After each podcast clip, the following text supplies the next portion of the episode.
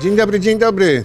Ja jestem Jacek Krałasiński, a to jest program Allegro Manon Troppo. Witam Państwa bardzo serdecznie, witam naszego gościa, panią Joannę Heyman-Salvade, długoletnią przewodniczącą e, e, Związku Polaków we Włoszech, działaczkę e, Światowej Polonii.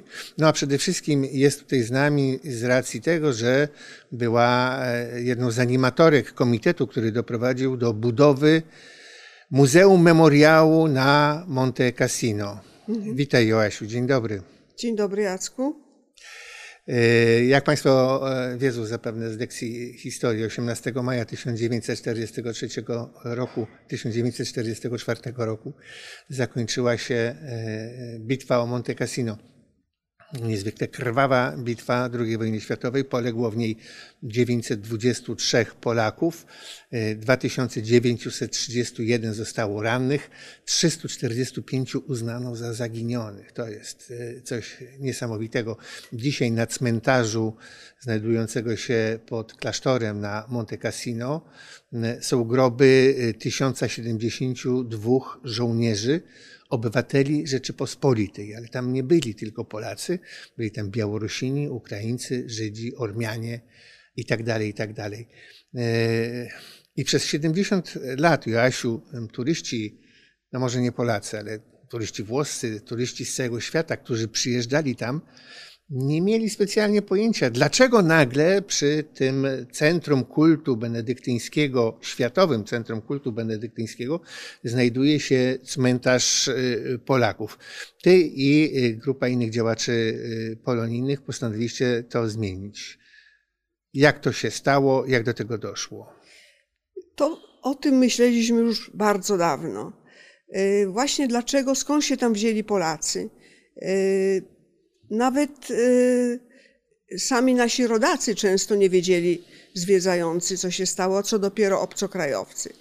Yy, Były prezes Związku Polaków we Włoszech, były yy, kombatant, żołnierz spod Monte Cassino Mieczysław Rasiej, długoletni prezes y, Ogniska Polskiego y, we, w Turynie, najstarszej organizacji polonijnej we Włoszech, od bardzo dawna o tym mówił. O stworzeniu On sam jakiegoś... był kombatantem, prawda? Pan On był Rasiej? kombatantem, walczył pod Monte Cassino. Sam o tym już bardzo dawno mówił. To jest, proszę Państwa, właśnie widok z góry na cmentarz Monte Cassino. Być może nie oddaje proporcji, kto z Państwa nie był, musi mi uwierzyć na słowo, że to jest coś gigantycznego, co pozostawia bez tchu każdego Polaka, ale nie tylko Polaka. Przepraszam Cię, mów dalej. O stworzeniu, myślano od dawna o stworzeniu jakiegoś punktu informacyjnego na Monte Cassino, y, właśnie żeby dawać informacje, skąd się tam wzięli Polacy, jaka była ich historia. Wreszcie do tego po bardzo wielu latach doszło. Doszło No, to wymagało bardzo dużego wysiłku organizacyjnego i finansowego. Yy, Jak dużego? Tak, ideatorem pomysłu właśnie był e, Związek Polaków we Włoszech przy współpracy z ambasadą polską we Włoszech. Wtedy ówczesnym ambasadorem był e, pan e, Wojciech Ponikiewski. Udało nam się do, stworzyć zbiórkę światową funduszy na, na stworzenie takiego centrum na Monte Cassino. Ta zbiórka trwała ponad 7 lat. Wreszcie, kiedy doszło do, do tego, że mieliśmy odpowiednią ilość funduszy, e, został pan architekt Rogacień, e, też syn e, kombatanta spod Monte Cassino. Rogacin zdaje się miał coś wspólnego z projektowaniem tego cmentarza. Znaczy, myślę, Jego ojciec, Tak, tak. ojciec Pietro Rogacienia, był jednym z budowniczych, też walczył pod Monte Cassino właśnie i też był jednym z budowniczych tego cmentarza dla własnych kolegów. Architekt y, zrobił projekt y, zupełnie, mm, że tak powiem, bez, bez żadnej korzyści, bez chęci zysku.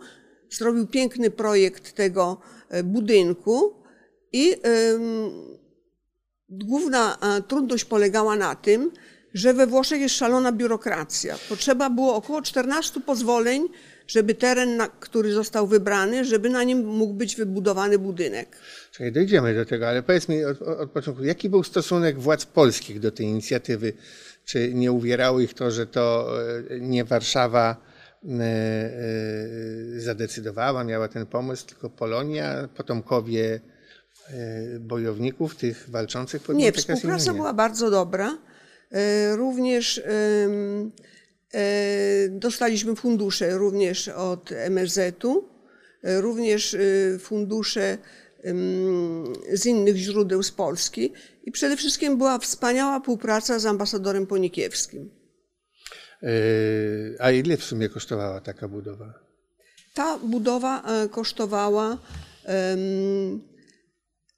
Koszty były szalenie obniżone przez architekta Rogacienia, dlatego że po pierwsze projekt był robiony przez niego, że tak powiem, gratis. E, Również wiele prac w pewnym momencie się okazało, że było za bardzo skomplikowane sprowadzać ekipę z Polski, więc on jakimś tam e, cudem e, nawiązał kontakty z jakimiś lokalnymi, e, że tak powiem, przedsiębiorstwami i bardzo niewielkim kosztem udało się wybudować tą, to tak, Ten budynek, ten ten budynek miał- który później się, na początku to się nazywało Centrum Informacyjne, ale po jakimś czasie doszliśmy do wniosku, że to by była nazwa myląca, bo to mogło być uważane za takie miejsce, gdzie się prosi o najprostsze informacje, gdzie można kupić wodę do picia czy coś takiego. I przekształciliśmy nazwę na Muzeum Pamięci drugiego korpusu.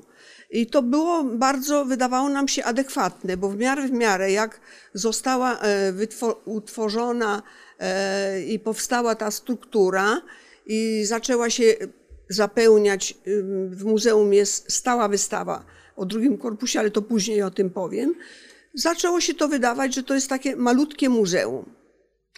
E, Tutaj Państwo widzą e, wielki korpus tego klasztoru benedyktyńskiego, który został e, wybudowany, przynajmniej budowę rozpoczęto w VI wieku. E, I e, no, z, tego, mm, z tego plateau, na którym jest napis, o którym za chwilę e, będę e, jeszcze mówił. E, A to jest, proszę Państwa, właśnie jak Państwo widzą, ten, to muzeum, memoriał drugiego korpusu generała Andersa, który niezwykle ofiarnie walczył o zdobycie ruin, już ruin e, klasztoru Monte Cassino, przekształconych w twierdzę niemiecką. To rzeczywiście była jedna z najkrwawszych bitew zachodniego frontu II wojny y, światowej. Tak y, z nad kopuły tego Muzeum Memoriału wygląda cmentarz żołnierzy polskich. Jeszcze, żeby Państwu przybliżyć to, o czym rozmawiamy, to co my tutaj w środku widzimy, to jeszcze, proszę Państwa, przed otwarciem, dlatego y, y, tutaj y, widać różne jeszcze niedokończone prace. Co, co można zobaczyć, innymi słowy, w tym muzeum? Muzeum mieści stałą wystawę Odysei drugiego korpusu, dlatego że naszym celem było pokazanie nie tyle samej bitwy o Monte Cassino, o której się właściwie dużo wie i o której się tak często mówi, ale całą historię y, drugiego korpusu, od zesłania na Sybir, później od wyzwolenia tych y, wieńców, y, Więźniów, uchodźców więźniów. więźniów, uchodźców i tak dalej. E, Ich późniejsza wędrówka z armią Andersa e, Przez Iran, Bliski Wschód. przez Iran, Bliski Wschód. Później e, przedostanie się do Włoch, właśnie ta krwawa bitwa o Monte Cassino, wyzwolenie miejscowości nad Adriatykiem. E, Chcę zaznaczyć, że m, polska armia pierwsza weszła do Bolonii. Mhm, To jedno z większych miast włoskich. tak. między innymi wyzwoliła Bolonię, ale na tym się nie kończy Odyseja drugiego korpusu. Dlatego, że było już wiadomo, że żołnierze polscy nie będą mogli wrócić y, do własnego kraju właściwie pod okupacją sowiecką i że zostaną za, y, za granicą. I również y, ostatnia część wystawy mówi o właśnie o tułaczce powojennej. No właśnie, to jeden z tych, y, y, jedna z tych planż, które tłumaczą. W jakich językach są te napisy? Napisy są w trzech językach. Są e, po polsku, po włosku i po angielsku. Y, Słuchaj, a wracając do kosztów tej budowy, to y, po pierwsze, ile to, jaką sumą zamknęła się ta budowa, a po drugie, kim byli główni darczyńcy, instytucjonalni i prywatni. Tak. Więc koszt wynosił gdzieś w okolicach 40 tysięcy e, euro. Natomiast głównymi darczy, darczyńcami było Stowarzyszenie Weteranów Armii Polskiej w Ameryce, SWAP lub PAWA po amerykańsku. Były również instytucje, fundacje, instytucje polskie. E, Natomiast em, po zakończeniu budowy została utworzona Fundacja Muzeum Pamięci II Korpusu i jej rolą jest nie tylko utrzymywanie muzeum, e, dbanie o to, żeby było zawsze otwarte. Są przewodniczki, które mówią trzema językami polskim, francuskim i angielskim.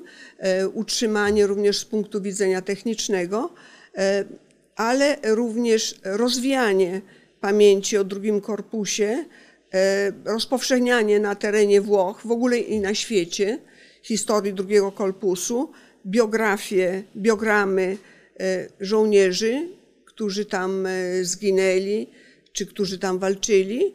To są główne role. E, Również naszym ostatnim zadaniem, nad którym teraz pracujemy, to jest rozpowszechnianie wśród młodzieży e, historii ym, drugiego korpusu, szczególnie e, wśród młodzieży, który, która żyje na terenach wyzwolonych przez armię Andersa. To jest głównie nad Adriatykiem, to są Włosi, młodzi Włosi. Już mamy opracowany program w PowerPoint, którym się zajmuje pani Donatella Sasso z Turynu. I zamiar jest taki, żeby, e, żebyśmy my, za- my zaczęli wykładanie tej wiedzy o drugim korpusie dla młodych, ale później, żeby się włoscy nauczyciele tego nauczyli, albo specjalni, e, specjalni eksperci, i żeby to później było jak najbardziej e, szeroko rozpowszechniane. A kto zdecydował, co ma znaleźć się w tym muzeum? Kto układał, że tak się wyrażę, scenariusz y, y, y, tej wystawy i, tej serii informacji?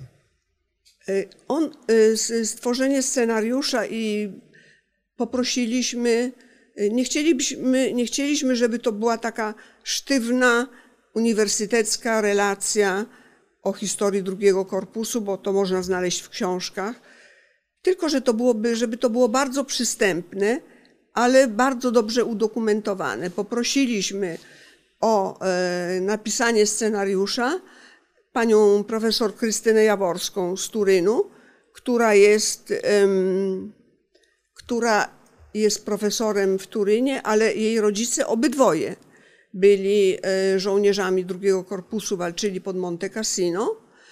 Profesor Jaworska urodziła się we Włoszech, prawda? Profesor Jaworska się I urodziła całą w swoją karierę naukową e, we Włoszech też oparła, właściwie w Polsce nigdy nie mieszkała, a jednocześnie jest absolutną kopalnią wiedzy na temat nie tylko drugiego korpusu, ale jest po prostu znakomitym naukowcem, historykiem i nie tylko. Tak, jest rzeczywiście prawdziwym ekspertem y, nie tyle od języka polskiego, którym bardzo dobrze włada, ale jak również y, o historii tego armii.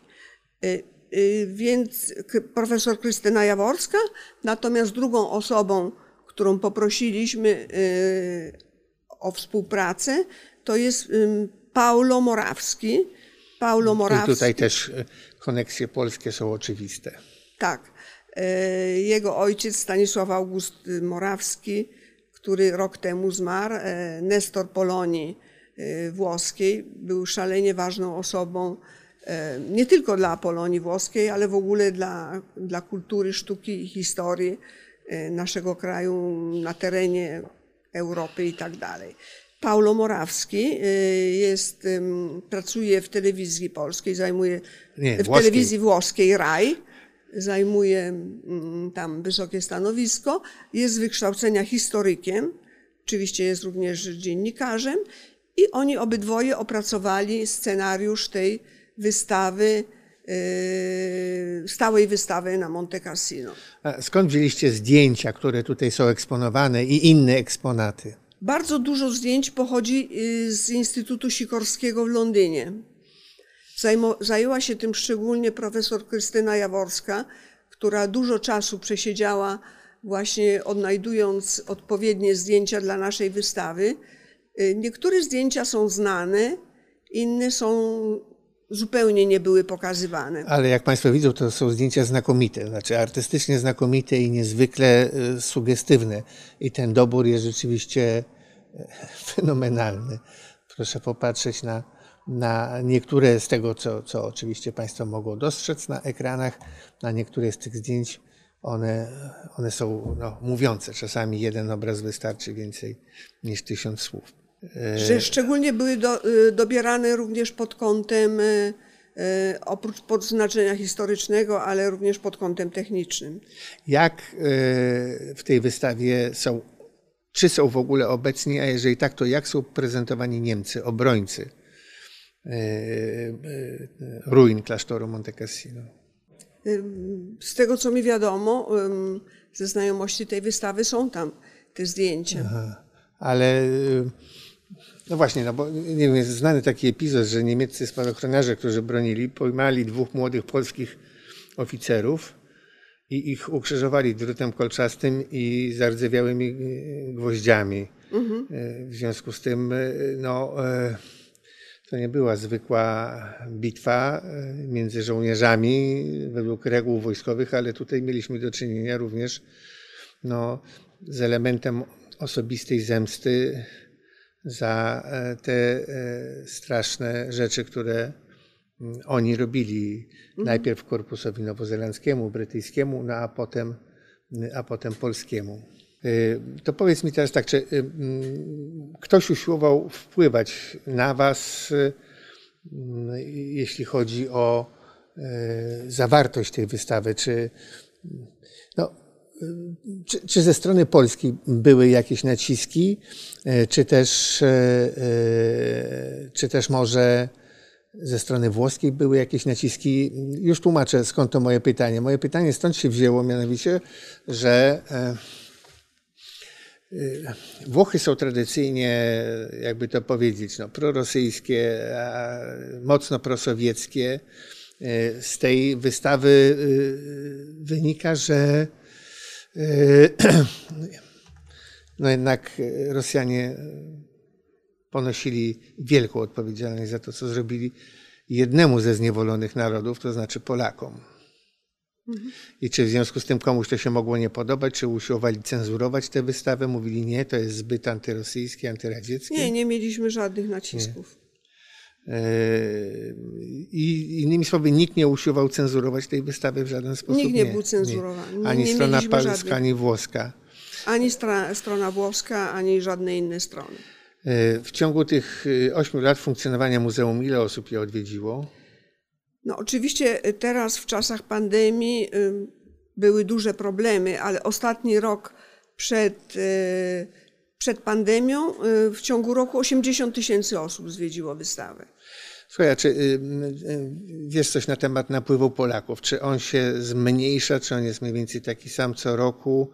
Czy zainteresowanie tym mitem narodowym, jakim jest bitwa pod Monte Cassino, zmniejsza się wraz z, przybywaniem nowych pokoleń młodych Polaków? Nadal się zwiększa. Przyjeżdżają wycieczki. Y, Architekt Rogacień, który mieszka zresztą, on mieszka w Aquino, to jest niedaleko, niedaleko Cassino i stamtąd jest łatwo dojechać na Monte Cassino. Zawsze jest gotów do prowadzania razem z, y, z, y, z przewodniczkami. I istnieją, ist- mamy wiele zdjęć, wycieczek, całych wycieczek szko- szkolnych, przyjeżdżają autobusy i śladem tego że mm, jednak taka rzecz jest potrzebna. Są bardzo wzruszające wpisy do księgi pamiątkowej, nie tylko uczniów szkół polskich, ale mm, turystów z całego świata, którzy się nie spodziewali czegoś takiego. Jest to dla nich głębokie odkrycie i to nas, y, co nas coraz więcej nam potwierdza, że takie muzeum i taka inicjatywa była bardzo potrzebna. Właśnie, wyprzedziłaś moje pytanie, bo y, można się domyślić, na Polakach to robi piorunujące wrażenie. Mhm. Cmentarz Monte Cassino jest czymś, czego zapomnieć się nie da a jak to y, inni przybysze, no Amerykanie, Brytyjczycy, którzy przyjeżdżają do Monte Cassino, bo oni też tam mają swoje cmentarze, no a już y, skoro tam są, no to chcą zwiedzić y, klasztor i przy okazji trafiają na, na coś tak gigantycznego i coś tak sugestywnego jak to. Na nich to też robi tak. podobne wrażenie jak na Polakach? Absolutnie tak. No bo właśnie, widziałaś na pewno te cmentarze amerykańskie i brytyjskie. One są Oczywiście, takie tak. uporządkowane, jakby to powiedzieć, sterylne. Mhm. Oczywiście robią pewne wrażenia, nie wzbudzają tak niewiarygodnych emocji jak to. Mhm. E... Tak, po... na, cmentarz Pols- wojenny cmentarz wojskowy nasz jest inny. Przy okazji chciałam jeszcze taką rzecz zaznaczyć do budowy cmentarza został wykonany, e, zostały wykorzystany kamień lokalny, to jest trawertyn. Również do budowy naszego muzeum został wykorzystany trawertyn. To jest y, ten sam kamień biały. Z którego zrobiono właśnie te, no te groby, te mauzoleum i, e, i tamtego orła wpisanego w krzyż. Chciałem się zapytać może o inną rzecz, trochę na marginesie tego, e, o czym rozmawiamy. Stara zasada polska mówi, za granicą unikaj Polaków jak ognia, bo ci sprawią przykrość albo coś więcej. Hmm, jak to się stało, że ty jednak tę zasadę przełamałaś i czy e, przy budowie e, tego muzeum ty i inni członkowie komitetu E, mieli jakieś przykrości ze strony innych Polaków? To jest historia, która jest troszeczkę dłuższa, dlatego że rzeczywiście, tak jak mówisz, Jacku, w dawniejszych czasach za granicą, jeśli się spotykało Polaka, to się wolało przechodzić na drugą stronę ulicy. Wydarzenia, Solidarności i tak dalej zmieniły wszystko. Nagle nawet u nas mieszkających za zagranicą pojawiła się chęć jakiegoś zjednoczenia, przybliżenia między nami. I to były pierwsze zalążki tych stowarzyszeń, które wtedy powstawały w rozmaitych miastach Włoch. No tak, ale wszystkie stowarzyszenia wcześniej czy później się dzielą. W samych Włoszech, z tego co wiem, są co najmniej dwa, jeśli mm. nie trzy, no bo komuś się coś nie podobało, więc robi frondę, zakłada nowy, no tak po polsku. Tak, tak, tak później to się e, w późniejszych czasach, ale mm, wtedy był taki entuzjazm, zakładaliśmy bardzo chętnie i powstało wtedy również Związek Polaków we Włoszech. Później mieliśmy, mieliśmy rozmaite przejścia e, z, czas, z biegiem czasu. Natomiast e, budowa, budowa tego muzeum jednoczyła nas. Komitet wykonawczy, który był złożony z kilku osób, rzeczywiście pracował w niesamowitej zgodzie nie było godzin pracy. E, wtedy ja byłam przewodniczącą Związku Polaków we Włoszech. E, na przykład, ponieważ potrzeba było uzgodnić wiele rzeczy, potrzeba było wiele podpisów. E, w, takiej, w tej biurokracji pomagała nam nawet ambasada. Do każdej osoby z komitetu wykonawczego można było dzwonić o 12, o 1 w nocy i to było bardzo wiążące nas wszystkich. Tak, tak, ale Oczywiście nie wszystkim e, Polakom to się e, podobało. Były jakieś procesy przeciwko członkom komitetu, przeciwko tobie. Mhm. E, o co oskarżali się? Kto cię oskarżał? Dlaczego? Po zakończeniu budowy zostały pewne fundusze, które postanowiliśmy przeznaczyć na na utrzymanie i na mm, polepszanie naszego muzeum, na rozwój. E, również y, była dodatkowa bardzo wielka dotacja ze strony obywateli amerykańskich e, polskiego pochodzenia, państwa Praszołowiców. E, oni byli architektami i zostawili fundacji Muzeum Pamięci II Korpusu właśnie te pieniądze.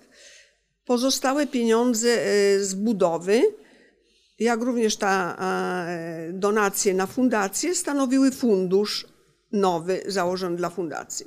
Tak jak mówisz, nie wszystkim się to podobało i y, był wytoczony proces między innymi mnie, jak również Związkowi Polaków we Włoszech. Ten proces się jeszcze toczy o sprzeniewierzenie pieniędzy Związku Polaków we Włoszech. Te pieniądze nigdy nie należały do Związku Polaków we Włoszech, ponieważ dla zbiórki y, pieniężnej zostało założone osobne konto. Ponieważ ambasada nie mogła z powodów formalnych założyć konto na zbiórkę e, właśnie funduszy z całego świata, poprosiła związek, żeby założył osobne konto. To konto nigdy nie miało nic wspólnego z kontem na bieżące wydatki Związku Polaków we Włoszech. I tam te wszystkie sumy pozostałe, wszystko jest udokumentowane, wszystko zostało sprawdzone przez biegłego księgowego. Jest dokumentacja do wglądu, każdy ją może oglądać. Ale pewnym osobom się to nie podobało, pewnej organizacji i otworzyły. Nie mów pewnej, powiedz kto, jaka organizacja, no to warto takie rzeczy. No, oczywiście to nie jest żadna tajemnica. Pan Mikołaj e, Winnicki to jest e, e, przewodniczący organizacji, która się nazywa e, Rampanti z, z, z regionu Veneto. Pan Winnicki wytoczył proces. Mnie osobiście, to są dwa równoległe procesy, bo ja byłam wtedy prezesem Związku Polaków we Włoszech, jak również Związkowi Polaków we Włoszech. Więc myśmy wygrali pierwszą fazę, ale pan Winnicki się odwołał i w tej chwili y, się toczy y, druga faza tego procesu. Y, Wyda Apelacje, tak. Apelacji, tak. Więc wszystko wskazuje na to, że my mamy takie argumentacje, że powinniśmy to wygrać, ale w tej chwili jeszcze Muszę dodać, że sprawiedliwość włoska jest bardzo powolna, poza tym była przerwa na COVID, także to jeszcze wszystko powoli się toczy. To jest. Y, I żałowałaś czasami przy tych wszystkich kłopotach, y, że się w to zaangażowałaś? Uważam, że to jest wielka niesprawiedliwość przede wszystkim. No tak, ale jakby to powiedzieć, no uprzedzano cię. Jak y, za granicą widzisz Polaka, to przejdź na drugą stronę ulicy, a ty nie przeszłaś. No tak, ja w to nigdy nie wierzyłam. E, ale uważam, że to jest, y, nie chcę tego generalizować, uważam, że pienia, pieniactwo jest, y, ma miejsce wszędzie. Ten pan jest pieniaczem, ale nie chcę to odnosić do wszystkich moich, że tak powiem, rodaków. No, oczywiście, że tak. No tak, i tak. patrząc na to muzeum, daje mi wielką satysfakcję, że coś takiego powstało. Pytałem cię o władze włoskie, pytałem cię o władze polskie, a nie pytałem cię o władze kościelne, a zwłaszcza o opatów y, klasztoru w Monte Cassino. Tu muszę Państwu wyjaśnić. Nie przepadali za nami. Nie, zupełnie nie. Y, o przyczynach może za chwilę y, opowiem. Byli między innymi niezadowoleni, co jest zrozumiałe z powodu tego, że klasztor został E, zniszczony doszczętnie, zrujnowany całkowicie. To rzeczywiście była kupa gruzu, a to było, powtarzam, no, centrum kultu benedyktyńskiego, to jest patron Europy. I nagle koło tego miejsca, z którego na cały świat idzie przekaz Ora et Labora, pojawia się e, e, coś konkurencyjnego, coś, co odciąga uwagę od spraw duchowych, coś, co odciąga uwagę od samego klasztoru. Na przykład wiele polskich wycieczek przyjeżdża na Monte Cassino i do klasztoru nie idzie, a idzie na cmentarz, co jest skądinąd zrozumiałe. Jaki był stosunek opata, opactwa i władz kościelnych do waszej inicjatywy? No na początku mieliśmy trudne przejścia. Trzeba powiedzieć, że rzeczywiście nie mogliśmy uzyskać, bo to są tereny, tereny na Monte Cassino klasztorne. Nie mogliśmy uzyskać od nich zgody, ale później to się tak stało, że te zgody uzyskaliśmy. Ale mamy problemy do tej pory, nowe, zupełnie inne, których by się nikt nie mógł spodziewać w tej chwili. Ponieważ na terenach, tam gdzie się znajdują również pomniki, pomniki żołnierzy polskich, wydzierżawiono, opactwo wydzierżawiło ten teren panu Miri i tam na wytworzenie browaru. Więc w tej chwili pędzą tam piwo. Profan była w pewnym sensie profanacja już grobów naszych żołnierzy i tych pomników, dlatego że to chyba było dwa lata temu. Chyba trzy. Był tam rodzaj, może trzy lata temu, wesołego miasteczka, gdzie tłumy ludzi waliły, żeby zjeść coś dobrego. W tej alejce tak prowadzącej dalej. na cmentarz. Tak, i również y, na, na, Piwo, wino. Tak. I były zawieszane takie zabawki y, świąteczne i noworoczne na pomnikach naszych żołnierzy. Coś, coś zupełnie niezwykłego. Ja tylko jeszcze przypomnę historię sprzed e, czterech czy pięciu bodaj lat, kiedy opata Monte Cassino aresztowano za sprzeniewierzenie półtora miliona euro przeznaczonych na pomoc sierotom, a które on wydał na, jakby to powiedzieć, bardzo wyuzdane e, zabawy homoseksualne w Londynie, a zwłaszcza w Brazylii. E, Pana opata e, aresztowano i potem się okazało, że w samym tym klasztorze opat tą działalnością zajmował się nie sam, ale miał również sporo, sporo braciszków, którzy mu w tym towarzyszyli. No i sam pomysł urządzenia wesołego miasteczka po drodze do cmentarza i zawieszanie zabawek kolorowych baloników na grobach poległych no, jakby to powiedzieć, no, był taki mało elegancki. A powiedz mi, czy mm, w ogóle w e, waszym myśleniu e, o, e, o tym muzeum e, odegrała, odegrał jakąkolwiek rolę fakt, że dzisiejsza historiografia mówi, że to była jedna z najbardziej absurdalnych i bezsensownych i krwawych bitew zachodniego frontu II wojny światowej. Mnie się Nie. wydaje, że to nie miało wpływu. To nie miało wpływu. Na początku 1943 roku Niemcy ogłosili strefę 300 metrów wokół Monte Cassino jako strefę neutralną.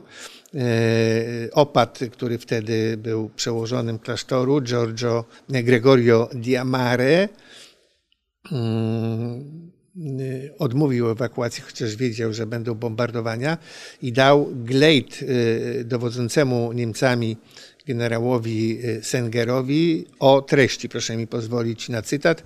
Generale, uznałeś opactwo Monte Cassino za strefę chronioną, zakazałeś wchodzić na jego teren żołnierzom niemieckim, wyznaczyłeś linię, poza którą nie mogło być broni ani punktów obserwacyjnych, czuwałeś nad ścisłym przestrzeganiem tych rozkazów.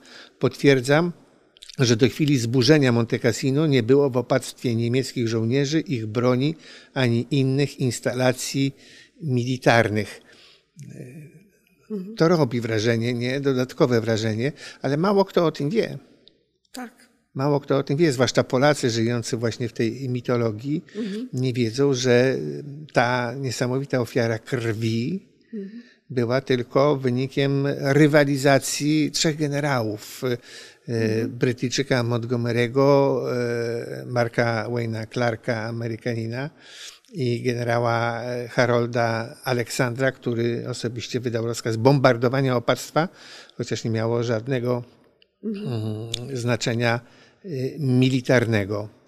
Tak, to jest zupełnie nieznane i górę biorą sentymenty nad, nad śmiercią Polaków. A sam Aleksander y, no, był bardzo dyskusyjnym żołnierzem. Niemcy przed dotarciem tam oddziałów, y, które zdobyły Salerno i parły na północ, y, wysadzili y, tamę na rzece Rapido, na właściwie strumieniu Rapido, opodal Casino, zmieniając cały teren wokół góry, na której wznosi się cmentarz, w bagno.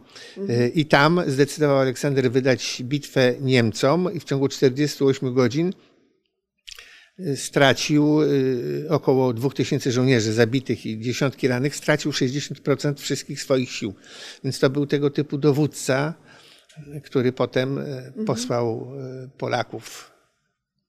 I jeszcze jeden aspekt. No, w tym klasztorze przechowywane były dzieła sztuki najwyższej wartości, które mhm. zostały ewakuowane z Neapolu i z Syrakus. No a to są rzeczywiście dzieła sztuki o najwyższym światowym walorze. I Niemcy byli na tyle przewidujący, że mm, tuż przed bombardowaniem wywozili te dzieła sztuki potem do Spoleto, żeby im nic się nie stało. I trzeba dodać jeszcze, że ostatnie dzieła sztuki wywozili pod bombami i pod y, padającym gradem y, kul. W związku z tym y, powody, dla których opad mógłby mieć do mhm aliantów pretensje są całkiem spore. I mówisz, że to y, oczywiście jest do debat historycznych, a nie do debat ludzi, którzy chcą upamiętnić żołnierzy y, i y, ich ofiarę. Tak. Oprócz tego, że to jest mało znane, ale y, nawet nie ma chęci o myśleniu o tym.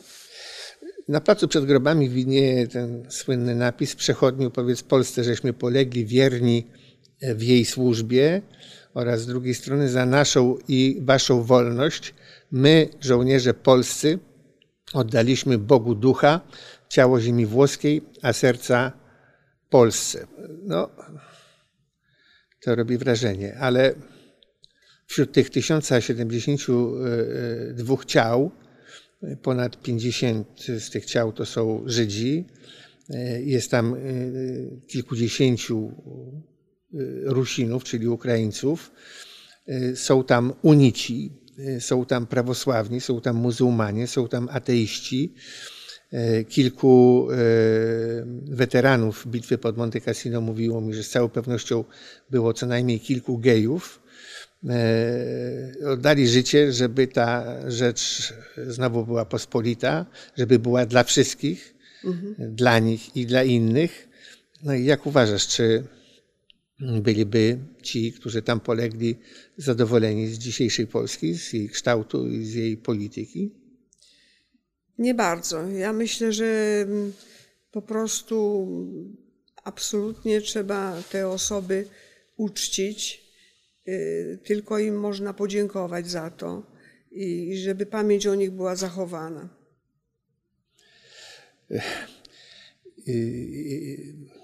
Byłaś przez kilka dziesięcioleci bardzo wziętym kardiologiem w Mediolanie, mhm. zmieniając już kompletnie temat. Powiedz, jak się e, żyło e, lekarzowi w Mediolanie, mieście, które e, tak wielką daninę śmierci zapłaciło pandemii COVID. Mhm. Jak żyło się tobie i jak żyło się innym mieszkańcom Mediolanu wtedy, dwa lata temu, kiedy był taki największy szczyt i umierali ludzie dziesiątkami i setkami. No rzeczywiście ten pandemia się bardzo odbiła na życiu mieszkańców Mediolanu. Mówię o Mediolanie w tej chwili, to można rozszerzyć na Bergamo, na Bergamo i Brescia, które są bardzo blisko Mediolanu. Bergamo to jest 40 kilometrów.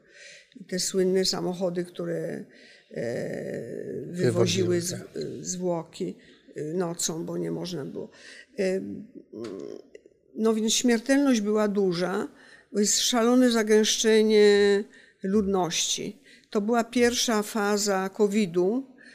Nie bardzo było wiadomo, jak się zachować jeszcze. Myśmy byli pierwszą właściwie e, po Chinach e, w Europie pierwszą, pierwszym narodem, który to eksperymentował. Robiło się co można, nawet e, jeśli chodzi o, o sprawę medyczną, leczenia. Natomiast mogę powiedzieć, że bardzo się odbił lockdown, e, te wszystkie trudności, izolacja bardzo się odbiła na ludziach. E, z czasem, z punktu widzenia medycznego, nauczyliśmy się leczyć tą chorobę. E, muszę powiedzieć, że tak, takie zasady jak maseczka czy izolacja, zachowanie dystansu są szalenie ważne, żeby w zmniejszeniu rozpowszechniania choroby, bo to są, jest bardzo zaraźliwy wirus tego SARS-a due. Natomiast lockdown, odizolowanie, depresja głęboka ludzi, ja nie przypuszczałam, że do tego stopnia się rzeczywiście może odbić na wszystkich. Z początku tylko się mówiło o młodych, że im się trochę zabiera e, młodości, że licealiści nie mają takiego życia, czy dzieci ze szkoły podstawowej, jak myśmy mogli mieć. Wtedy pierwsza rzecz, która przychodzi na myśl, to są e, lata wojny oczywiście, wtedy było gorzej ale mm, rzeczywiście ta pandemia się bardzo odbiła. W tej chwili sytuacja jest y, dużo lepsza. Nauczyliśmy się rozpoznawać chorobę, e, leczyć ją. E, jeśli chodzi o sam Mediolan i prowincję, była duża dyscyplina jednak. Ja muszę powiedzieć, że jak obserwuję w Polsce, że trochę było lekceważenie tych naszych pierwszych doświadczeń Myśmy je przekazywali innym krajom w Europie, ale nie wszyscy temu dowierzali, między innymi Polska. Zachowanie środków ostrożności przede wszystkim, więc w tej chwili potrafimy rozpoznać. Są szczepienia. We Włoszech ponad 90% ludzi jest zaszczepionych przynajmniej jedną dawką, a ponad 60% trzema dawkami. Zachorowalność jest mniejsza. Oczywiście są bez przerwy te mutacje wirusa, raz bardziej zaraźliwe, raz mniej. Więc y, sytuacja jest taka, właśnie z punktu widzenia medycznego powiedziałam, a z punktu widzenia że tak powiem, kontaktów z ludzi i tak dalej. Stara się, staramy się do tego w tej chwili powracać również. No właśnie, bo 1 kwietnia zostało zniesione e, większość ograniczeń we Włoszech. Jak wygląda Mediolan dzisiaj? Czy na willi odżyły, czy znowu widać tłumy w, w, w restauracjach? E, w parkach, na Piazza Duomo. Czy życie wróciło do normy? Czy warto jechać do Mediolanu? na pewno się zmieniło na lepsze. Także póki była zalecenia rządu, ponieważ y, normalnie Włosi, ja się nawet zdziwiłam tą dużą dyscypliną. Włosi są najbardziej jednym z, z bardziej z, niezdyscyplinowanych narodów na świecie. I nagle wszyscy, prawie, prawie wszyscy nosili maseczki, stosowali się do godzin, do godziny policyjnej i tak dalej. Ale rząd nasz, rząd włoski współpracował z Komitetem Techniczno-Naukowym, który rzeczywiście wysokiej klasy specjalistów i bardzo polegał na zaleceniach, które były przekazywane wszystkim. W tej chwili ten komitet został rozwiązany od 1 kwietnia. Rząd doszedł do wniosku, że nie potrzeba już takich zaostrzeń. Oczywiście natychmiast się wszystkie e, place, tak jak mówisz, na willi i tak dalej, zapełniły, ale bardzo dużo ludzi, no może bardzo to jest za dużo, dużo ludzi nosi maseczki nadal. Już w tej chwili jeszcze w niektórych miejscach jest obowiązkowość, że tak powiem, e, jeśli są lokale zamknięte. E, ja osobiście też noszę maseczkę tam, gdzie są tłumy i bym zalecała to wszystkim. Dlatego, że jedna rzecz to jest, są zalecenia, że tak powiem, rządu i polityka, że no nie można. Maseczkę nie nosi się od, dla rządu, maseczkę nosi się dla siebie i dla tych ludzi, z którymi się człowiek styka. Nie dla rządu, się prawda? dla siebie, żeby samego siebie, e, żeby się samemu nie, nie zarazić, nie ale również, żeby innych. nie zarażać innych. Otóż to. Ja osobiście zapraszam wszystkich, gdzie jest jakieś y, większe skupisko ludzi, żeby jednak to nosić, bo ta choroba na pewno nigdy się jej nie pozbędziemy, tak jak grypa stanie się z, z pandemii, tak. stanie tak. się endemiczna.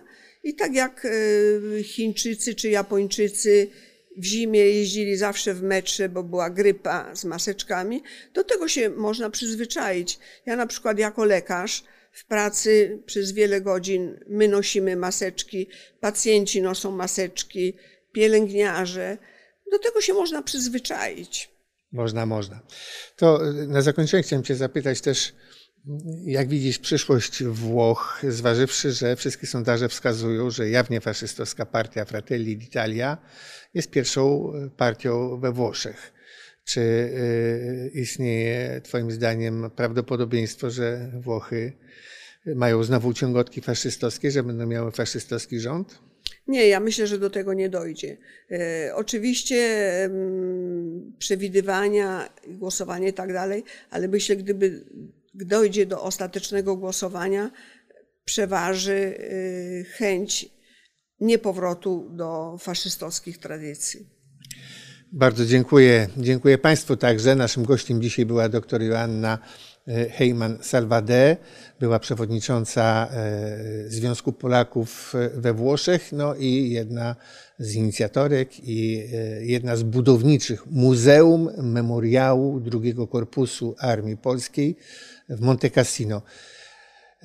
Właśnie minęła 78. rocznica tej bitwy.